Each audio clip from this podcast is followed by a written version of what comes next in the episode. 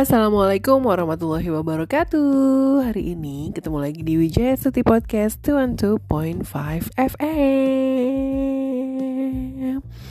Yes, ngomongin soal Ayu Ting Ting Ini gue males baca-baca berita yang sekarang Tapi gue mau cerita soalan sejarah dia dari mulai jadi penyanyi dangdut keliling sampai akhirnya terkenal.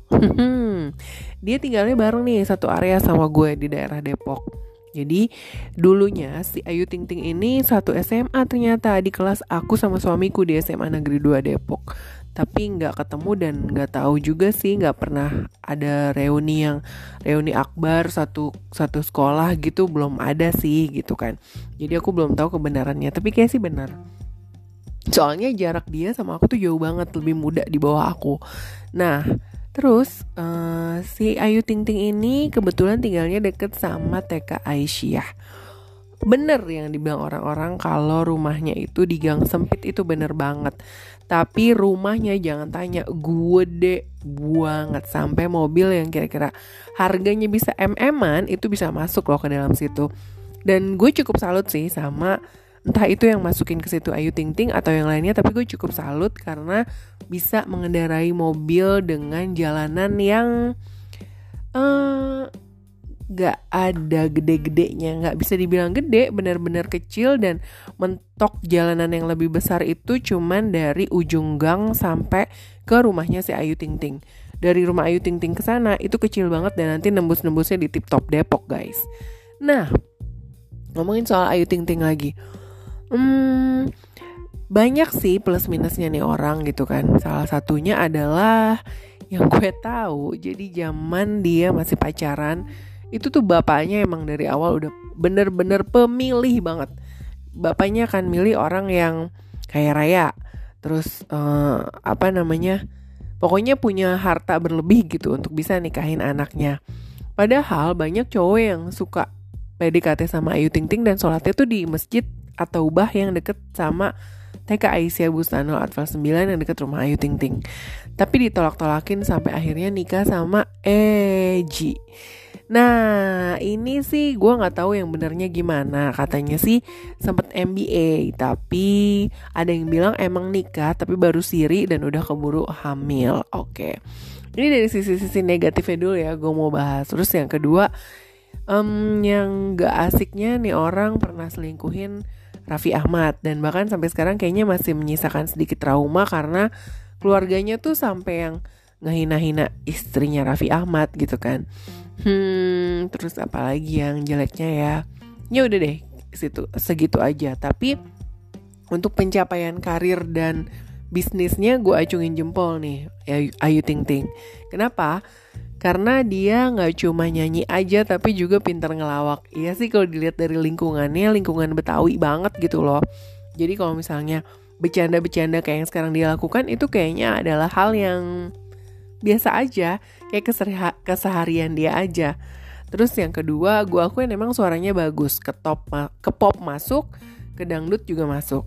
Dan dia termasuk orang yang baik suka memberi di lingkungannya. Kayak gitu.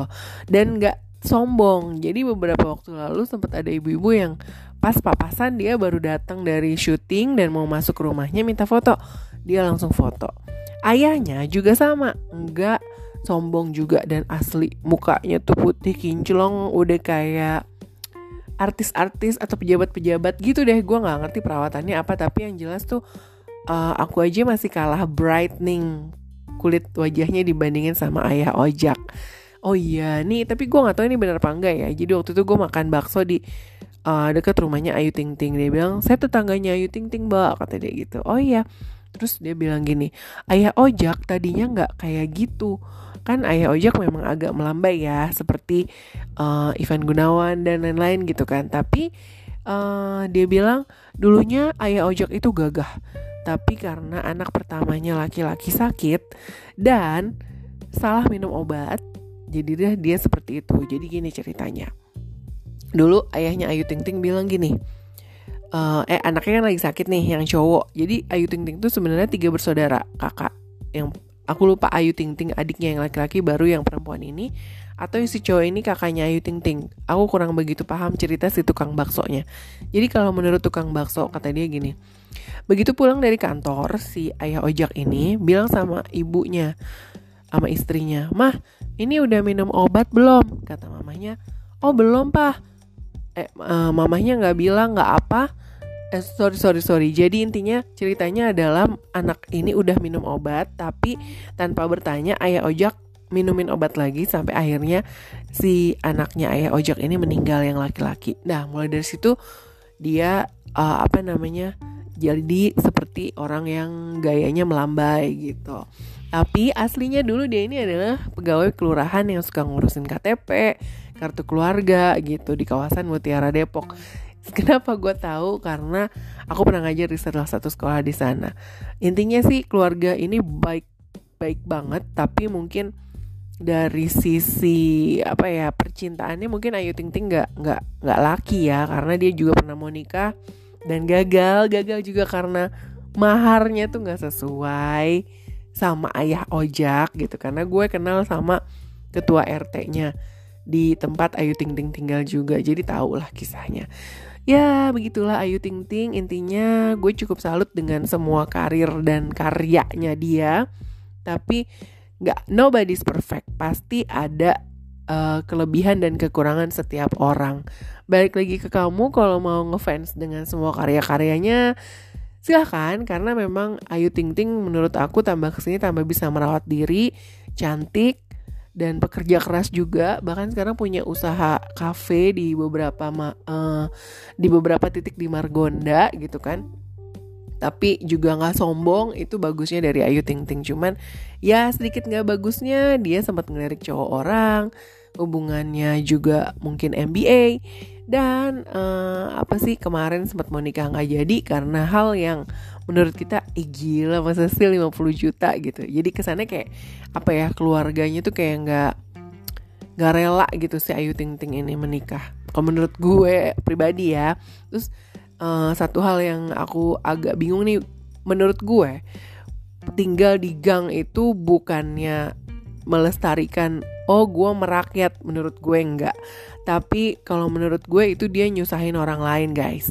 Kenapa? Karena dia tahu bakal banyak tamu tapi nggak ada yang bisa lewat gang itu. Tapi memang sih di situ ada satu parkiran tempat khusus buat parkir mobil dan tamu-tamunya bisa jalan kaki. Cuman kan kalau yang nggak tahu dan belum pernah ke situ nggak mungkin juga kan dia nanya sama keluarganya dan lain-lain.